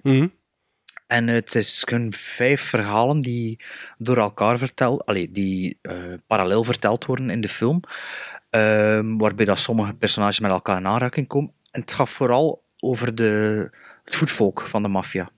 Dus niet de hoeverpieven. De soldaatjes eigenlijk De zo, soldaatjes, ja. het voetvolk. En eh, de film is op zodanige... ehm hoe moet ik het zeggen? Ik vind dat op zo'n danige ehm, realistische manier gemaakt dat je echt eh, van de eerste moment betrokken bent met het verhaal. Ehm, het is heel realistisch gefilmd, documentaire stijl. Ik weet niet of dat er veel belicht... Ja, de openings zijn al sinds wel, maar dat er veel extra belicht is bij de film. Ja, real light. Eh, ja. Available light.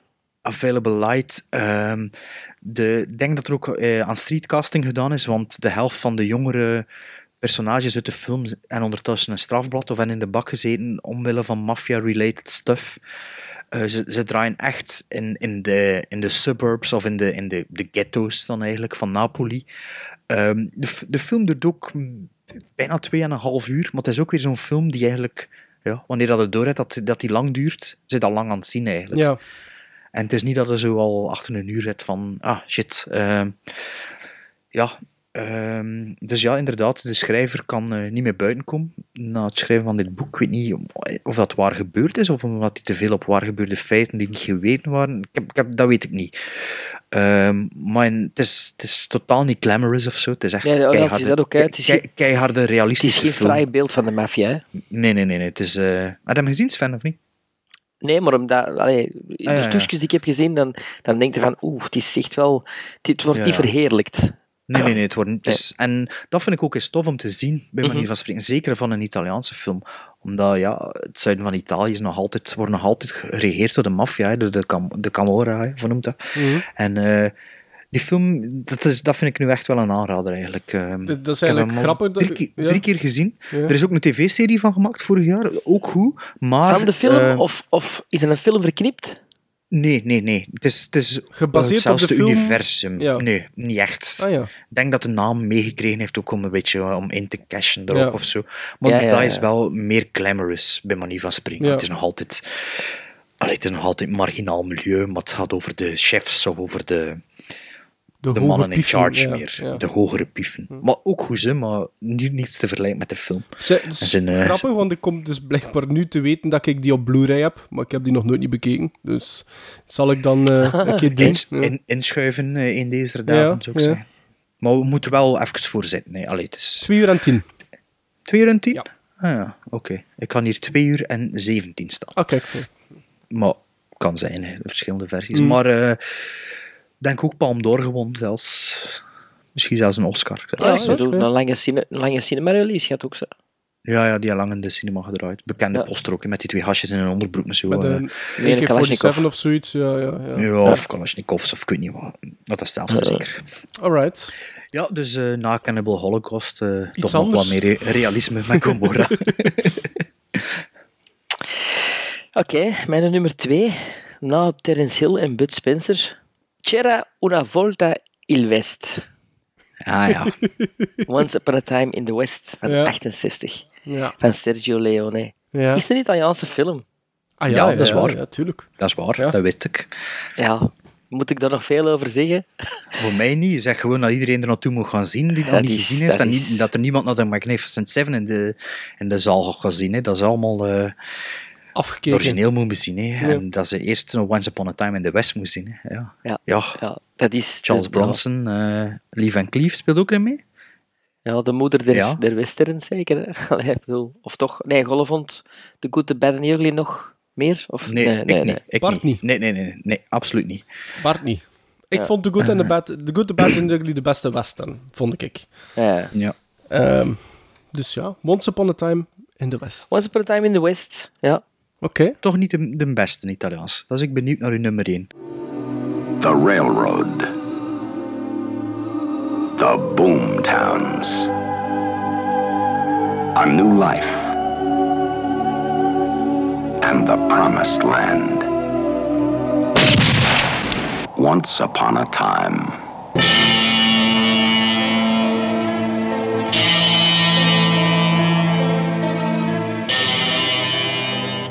Dan is het tijd voor mijn nummer 2. Het andere genre waar dat ik heel veel Italiaanse films van gezien heb, zijn westerns. Ah, ik dacht dat het porno ging zijn. Nee, nee. Oh, nee. La Ehm, Cicciolina. Een film van Sergio Leone. Kijk eens dan. Allee zeg. Maar wel eentje uit 64. Hmm, en dan is dat waarschijnlijk The Man With No Name, noemt hij weer? Per un pugno di dollari. For a few For a dollars fistful of more. dollars. A fistful of Ah, dollars. A fistful fistful of of dollars. dollars, ja. Ja, ik, heb, ehm, ik heb eigenlijk bewust dan... Allee, mijn eerste ding was, weet je wat, anders kies ik opnieuw The Good, The Bad and The Ugly.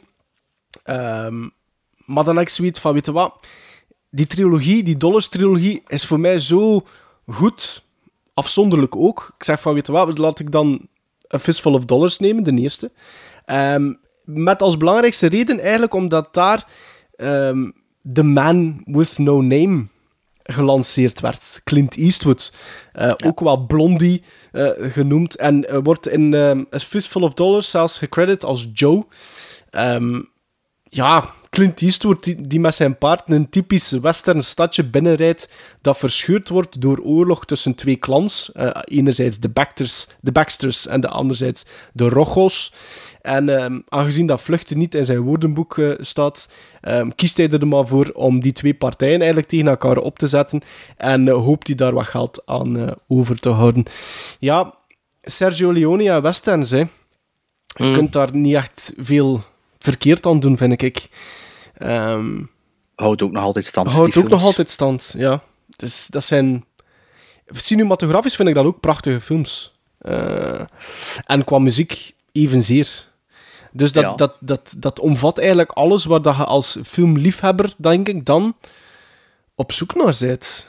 Ehm, Ja, en ook voor... eh allee, ik wil nu niet een oude zak klinken, maar je nu 17 jaar zit of zo en je luistert naar die podcast en je hebt dat niet gezien, je moet er nog altijd zien, hè, want dat, Ja, ja, ja, dat ja, gaat ja, altijd ja. je, je mind blown eigenlijk. Hè. Allee, ik bedoel, we hebben het ook niet gezien hè, toen dat we in de jaren 60 nog niet geboren waren. Voilà. Allee, we hebben Nee, het ook op een bepaald ja. moment gezien en erdoor omvergeblazen. Hè. Ik was, ik, ik was ik- zelfs, ik denk midden de 20 of 20, ja, midden 20 zelfs, denk ik, toen dat ik die trilogie echt back-to-back allemaal een keer gezien. Good and, the Good, The Bad and The Ugly had ik al gezien, maar dan For a Fistful of Dollars en eh, A Fistful of Dollars en For a Few Dollars More, die heb ik ook eh Ja, ik kan die twee ook niet uit, uit elkaar houden, sowieso. Allee, ik heb die ook gezien, maar ik weet nog niet wel, dat is de ene film, wat is de andere film. Ja.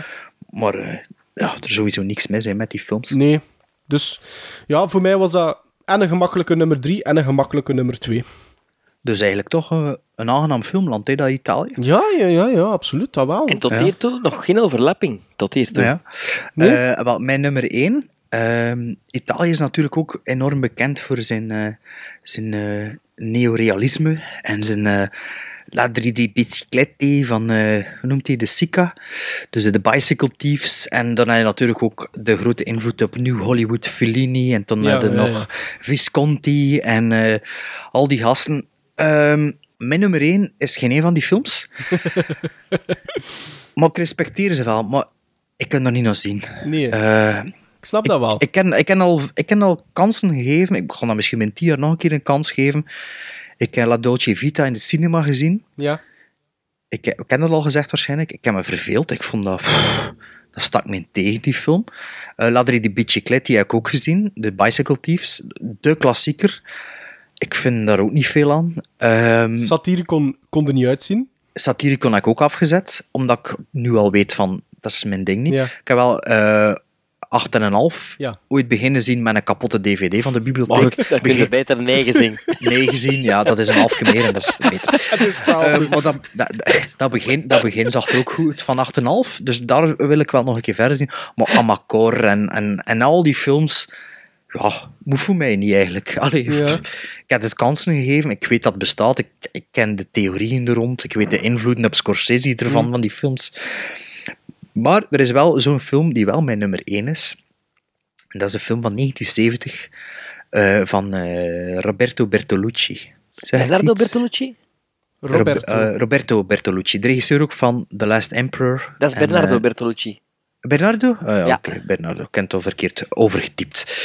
Ja, ja, het is inderdaad Bernardo, hè. inderdaad, Ja. dat zegt. Ik heb verkeerd getypt. Eh The Last Emperor dus, Last Tango in Paris had hij gedaan, en Novecento met De Niro. Maar eh, de film van 1970 is een van zijn eerste, misschien zijn eerste, en dat is Il Conformista. De Conformist. Ehm, de film had dus over een, een, zwakke, een zwakkeling, zo, een zwakke Italiaanse man, die eigenlijk ingelijfd wordt door de fascisten om in het buitenland ehm, een voormalige leraar dat ondertussen politiek, ehm, politiek verbannen is, te gaan vermoorden. Mhm. En eh, pff, het is toch al meer dan tien jaar geleden dat ik de film nog gezien heb. Ik heb hem twee keer gezien ondertussen. Ik lig klaar op Blu-ray om nog eens te zien. En eh, ik weet niets meer van die film. Maar op dat, echt- 1. dat het wel een hele goede film is en dat ongelooflijk schoon gedraaid is. Oké. Ehm, de fotografie is eigenlijk ook gedraaid. Allee, de film is ook gemaakt. Het is ook een van de eerste films van zo'n een typische nieuwe Hollywood-cameraman. Zoals het begin van de aflevering, eh Zygmos Vlimost, of noemt hij daar? Vilmos Zygmunt. Ja, voilà, die dan, je weet wat ik bedoel. En dus ehm, Vitario Sta- Sto- Storaro. Storaro. Storaro. Sven, van Apocalypse Now. Apocalypse Now, maar ook van dit jaar Café Society. Café, Café Society. En dus eh, Apocalypse Now heeft hij gedraaid. Eh, Lady Hawk, Reds, met, eh, of van Robert Redford. Ehm, Dick Tracy heeft hij ook gedraaid. En Reds is van Warren Beatty. ah, Warren Beatty, ja, ik sla die altijd door elkaar. Al die schone mannen. Zoals zoveel. Zo, als zoveel. Nee, nee, dat is, eh noemen ze weer? Sundance en de... eh Butch. Butch, Butch en de Nee, dat, Sundance. dat is Paul Newman. Ah, dat is nog geen, godverdomme.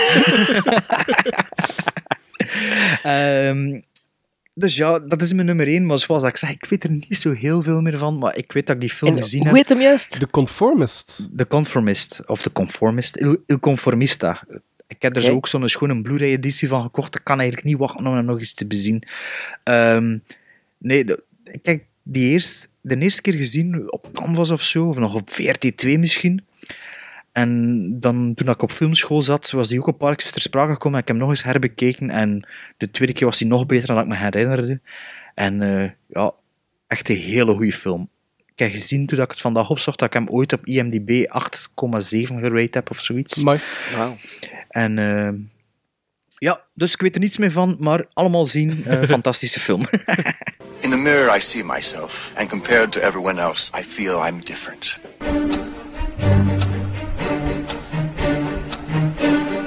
To Professor Quadri, and you inspire his faith in you. You try to discover who his contacts in Italy are. He was our professor at the university. He asked me if I was a fascist. And what did you answer? I didn't bother to answer.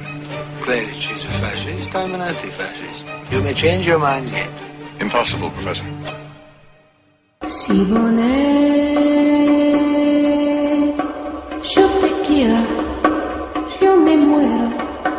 por tu amor. Ja, mijn nummer 1. C'era una volta in, Amerika. Film uit 84 van Sergio Leone. Allee. Ja, Once Upon a Time in, In America. America, ja. ja, Sven, uw nummer 1, 2 en 1 zijn eigenlijk top 3 van mijn aller tijden. Ja, ja. Allee, pff, allee, top 10 aller tijden. Meestal, eh, Amerika vind ik, komt juist voor de West. Ja, maar dat Ja, was een ja. van mijn voetnoten. Ik heb, ik heb bewust niet die films genomen dat dan Ah, in herhaling valt en zo. En, Ja, ik heb, dit is ook mijn nummer 1 van het jaar 84. Eh, Once Upon a Time in America. van mij ook, hè? Was ja, van u ook, van u ook. Ja. Of van Maar ja, mijn, mijn nummer 2 ik- misschien, dat weet ik niet meer. ik, ik, ik zei het zo, Italiaanse films is niet echt mijn ding. Mhm. Omdat ik er ook niet veel gezien heb.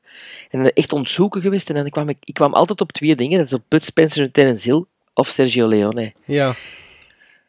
En ja, dus de, de Terence Hill en Bud Spencer moesten erin, maar dan op drie. En dan, ja, dan als je moet kiezen tussen die twee Leones, dan vind ik inderdaad America nog een klasse hoger dan Ja, ik, vind dat- eh, ik heb dat al gezegd waarschijnlijk. Ik vind dat soms beter dan The Godfather 2. Eh, Ik Je vind hebt dat dat- inderdaad gezegd in die... Allee, het is ik afwisselend, dat- ja, ik weet het, maar ik versta wat je wilt zeggen, maar dit is dat is zo'n film, dat is, en die duurt heel lang. Ik geloof vier uur. Ja, en als je op je horloge kijkt, is hij al twee uur bezig of zo. Ja, het is ongelooflijk. En dat is de film, je begint die te zien en je moet die voortzien. Je kunt er niet uit, uit dat verhaal. Ja. En ik heb hem, ik heb hem gezien, eh, de laatste keer dat ik hem gezien heb, was op huwelijksreis.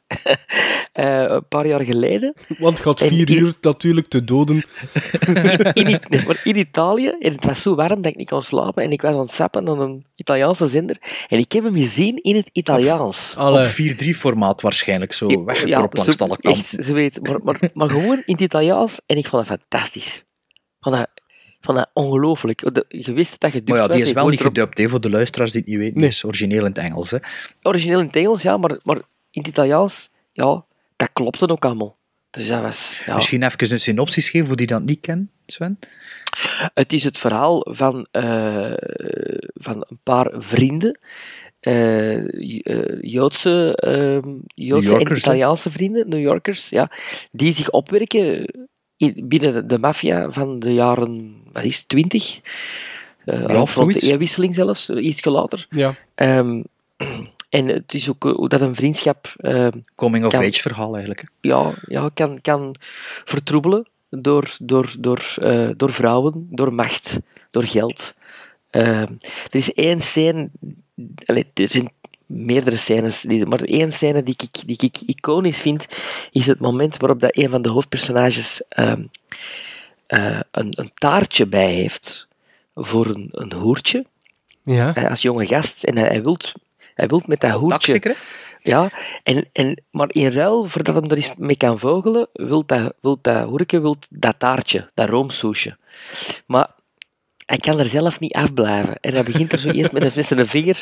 En uiteindelijk kiest hem voor dat toertje op te eten in plaats van meer te gaan vogelen. En dat is zo'n fantastische scène. Ja. Ja, omdat ook de honger, hè, wat- tussen wat kiezen, tussen in school vogelen of tussen je maag vullen. Ja, ja, dat, Dat gaat wel over een, ma- een manneke van 14 jaar, hè. dus voor de duidelijkheid. Dat Ja, ja, moment. maar- allee, ja. ja, ik vond dat een heel, een heel mooie scène. eh. Ja, dus, eh, Ja. ja. maar er zijn veel van die scènes in die film. Ja, dat, dat, dat, dat, dat kleinste manneke van de Noopes, dat werd neergeschoten aan de Brooklyn Bridge met de pamfluit van Morricone eronder. Met een fantastische shot van op 150, 300 meter Ja. gedraaid of zo. Die, die Ja, landscape. slow motion, zo, dat is allemaal lopen en dat is dan dat klein manneke neerschieten. Ja, dat is... eh ja, dat Ja. vergeet er niet, zo'n ding is. Ja. Godverdomme, dat moet ik ook nog zien van de week nu. nee, maar uw nummer 2 en nummer 1 zouden in principe ook mijn nummer 2 en 1 geweest zijn, maar dat ik zeg het al, ja. Dat is... Ik heb dat Robert, even de, Robert, de even nog zeggen, Robert De Niro, James Woods, Joe Pesci, eh, Elizabeth McGovern, die nu iedereen kent van eh eh, Downton Abbey, maar die zit daar ook in. Hm. Topfilm. Ja, volledig akkoord. 100% akkoord. Ga... Maarten niet? Maar nu ben... Jawel, jawel. Maar nu ben ik een beetje aan mijn tand op mijn eigen, dat ik maar... Ik wou maar één Leonie in mijn top 3. Ah, maar ja, dat is uw keuze. Ja. Ik heb er geen één in, ik zelfs. Ehm, en ik had zoiets... En nu dat ik Sven hoor, ik zeg, godverdomme. En nu ben ik zo'n beetje ambetant, want ik heb eigenlijk op één... Pas op, ik sta er helemaal achter. hè, Maar het is een cliché-titel. Op nummer 1. Toch niet La Oei, Vita è Bella. La. Vita è Bella. Oh, dat is toch geen goede Dat, film? dat is wel een goede film. Sven, is dat een goede film? Ik heb hem afgezet. Is dat echt? Meen je dat nu? Ja, Dat is echt. de, de eerste vrouw- het film dat mijn vriendin kende van Italië. Nee, Ik serieus. heb die afgezet. Ja, echt waar. Ja. En jij, bij, Bart, Mijn- jij vindt dat een een beste film? maat, met een beste maat die zei, je moet je zien, je moet je zien. Dat is niet normaal, je blette ogen uit en, en je lacht en het is schrijnend en het is prachtig. Ja, ik heb dat dan na veel, met heel lange tanden Wacht, opgezet. Sven, laat, En- laat Maarten eerst zijn dingetje vertellen. Ja, ja. Ja, want... Ja, kijk, ik had inderdaad gewoon mijn ding doen. hè. Dus een film uit 97. Drie Oscars gewonnen. Eh, best Actor, Best Music en Best Foreign Language Film dat jaar. Ehm, geregisseerd door Robert... Wat is Robert of Roberto Benigni? Ik denk Roberto. Roberto. Ja, dus dacht ik ook dat Roberto was. En het was Het is. Roberto. Ja, ja, ja, want Sofia. Loren riep met de Oscars Roberto. Ah, Roberto, voilà. Dat is een mom. Ja. ja. Goh, ik vind het nu ambetant eigenlijk. Ik vind het echt zwaar ambetant. Nog, nog ambetanter. Ik vind het echt kloterij nu. Ah nee, maar Nee, nee, dus is- La Vita Bella. Waar, waar, waar gaat La Vita Bella over? Ehm, dus die Roberto Benigni speelt een, een, een bibliothecaris, een Joodse bibliothe- bibliothecaris in 1930, die verliefd wordt. Eh, hij vindt de liefde van zijn leven. Ze krijgen een zoontje. Principessa. Ja, buongiorno, principessa. Ehm, krijgen een zoontje en alles lijkt peachy peachy. Totdat dat eh, de Duitse ehm, troepen Italië bezetten. eh, tijdens Wereldoorlog 2. En ehm, aangezien dat zij eh, Joden zijn, worden zij eh, heel zijn familie opgepakt en naar een concentratiekamp ehm, gebracht. Nu, om zijn zoontje eigenlijk de gruwelijkheden van de concentratiekampen te helpen overleven, ehm, zegt die vader tegen hem dat eigenlijk al hetgeen dat er aan het gebeuren is, dat dat eigenlijk een gigantisch spel is. En dat de uiteindelijke winnaar van dat spel een, eh, een, een echte tank krijgt. En het is eigenlijk continu... Sadistische vader. Het, het is eigenlijk continu het spel van een vader die zijn zoontje eigenlijk wilt ehm, ja, opbeuren en, en hem iets ander, anders voorhouden dan wat dat er werkelijk aan het gebeuren is, om, om hem eh, te beschermen. En ik zou, ik, ik zou niet tegen iedereen... Ik, zou, ik, ik zeg niet tegen iemand van, gaat dat zien, want je blijft ogen uit. Dat, dat is niet de reden waarom dat, dat ik La Vita e Bella een goede film vind. Maar ik vind dat ook een film die... die ehm, qua tempo heel hoog ligt. Ehm, ik vind dat er daar heel goed in geacteerd wordt. Ehm, er zijn er hier twee van die ogen naar mij aan het kijken. ik had Oké. misschien beter moeten beginnen, eigenlijk. Hè. Vertel me verder maar. We zijn met drie die deze vind, podcast eh, La. Vita, eh. La Vita e Bella is, wel, is, is ook een film bijvoorbeeld. Ik heb die nog maar twee keer, twee keer gezien. Ehm, maar dat is ook een film dat ik ook niet meer kan bekijken. Er zijn zo een paar films dat ik heb. ehm, als ik dan dat lijstje Requiem for a Dream staat er bijvoorbeeld ook tussen. Vind ik een steengoeie film. Maar ga ik ook niet vaak bekijken. Dat is deels omdat ik ook die Relentless vind. Maar dat is ook omdat dat rauwe, dat rauwe realisme zit daar zo ehm, in vervat. En, ehm, en als je dat goed doet, heb je een goede film. En ja, kijk, ik, daarom zet ik hem op één. Ik zeg het, eh, ik wou ook... Ja, ik had misschien meer moeten gaan voor Leone, maar ik heb er nu... Ja, pas op, ik heb er geen spijt van. aan. Moet je kak niet Ik heb, aan er geen spijt van, ik heb er geen spijt van. Eh, maar nee, La Vita e Bella, kijk, Ja, maar La Vita e Bella, toen ik die de eerste keer zag, vond ik dat ook wel oké. maar ik heb die dan nog wat, drie keer in totaal gezien, niet volledig. Hè. Maar elke keer zo dat wordt dat... ik weet, ik dat- betant van die, van die vent. Echt ja, dat vind ik nu ook wel niet dat hij goed acteert. Zijn man. oh nee, ik vind dat wel. Ja, Dus- echt dus- super irriterend. ja. Zijn dingen, zijn oscar dingen was er een schone weerspiegeling van. Dan nu. Allee, ja. ehm, nee, eh, kan u wel volgen. zijn. Het- Het is ook een makkelijke keuze bij manier van Ja. spreken. Allee, ehm, maar oh, nee, ik vind dat eigenlijk een kutfilm. Allee, ik vind hem zo op makkelijk sentiment teren. Ehm, ook gewoon de, de, niet de boodschap, maar de, het verhaal. eh, pff, Oh ja. Ja, Ja, ik vind- ik vind dat ook zo fout. Jacob the Liar, hè, met Robin Williams. ja, Ja, dat is zo ook zo wat, allee, dat was zo hetzelfde, hè. Zo, en dan ja, ik heb dat nooit gezien. Maar, ik- ja. Ja, ik heb die ook niet gezien, Jacob the Liar. Ehm, ja, kijk jongens, het spijt mij. Nee, het geeft niet. Het geeft niet. Maar, maar, je, je dacht dus zeker dat we al drie hetzelfde gingen. Of Nee, niet? nee, dat niet. Nee, ik had niet Ja, gedacht. wel, ik vind nee. straf. Ik vind, eh, echt waar, ik vind straf dat we negen verschillende keuzes hebben. Ja, Nee, eigenlijk dat wel. vind ik niet zo straf eigenlijk. Nu. Ik moet eerlijk zijn, meneer ik- voor, voor, heel voor een vermelding bij mij. Allee, ik heb ze nu niet opgeschreven, maar er zijn heel veel B-films, Ja. Italiaanse B-films, zowel politie, ja. maar echt B-films, maar die, die op een of andere manier toch, allee, like eh, Concorde Airport 79, ehm, Is dat Italiaanse Bronx ja, ja. Oh. Bronx Warriors, Hmm. ehm, The Barbarians, eh, Raiders of the Atlantis, dat zijn echt B-films, maar die hebben altijd wel een soort quality. Is dat door, door de studio's daar? Is dat door de Amerikaanse connectie altijd? Ik weet niet wat dat is, maar die films die kunnen op een manier Maar er zit, ik- je, zit daar, je ziet daar ook altijd iets van talent in. Ja, en toen heb je nog de horrorfilms, de B-horrorfilms, maar ook de gewone horror, de, de, de ehm Fulcis, de... Argento, eh, Argento, Bavas. Dan je, maar dan nog de, de, de, de Bavas, de Argento's, de oudere horror, de barokkere horror, Ja. dan heb je nog de spaghetti-westerns, dan heb je nog alles dat Sergio Leone doet, dan nog alles wat dat Ennio Morricone score voor maakt. Dan, allee.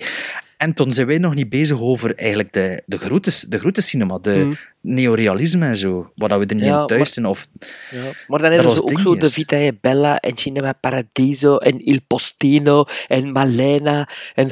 Ja, ja. Oh. Ja, ja, dat is ons ding niet, maar eigenlijk is dat Ja. een groot cinemaland, hè? Dat is een groot cinemaland, dat wel. Ja. Allee, allee. Dus daarom dat ik dat, toen dat ik besliste van laten we top 3 Italië doen, was dat wat ik hoopte. Dat we echt negen verschillende dingen hadden. En die, eh, ja...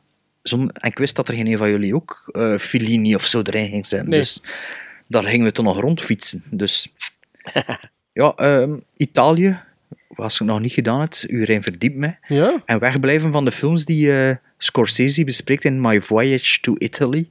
Dat zijn allemaal alle saaie films van Italië dat hij over bezig is, dat hij fantastisch vindt. maar als je geïnteresseerd in filmgeschiedenis, altijd wel een keer een kans heeft natuurlijk, vind ik persoonlijk. Niet Sven? Ja. ja, je weet, mijn liefde voor de Amerikaanse cinema is... Overwint alles. Absoluut.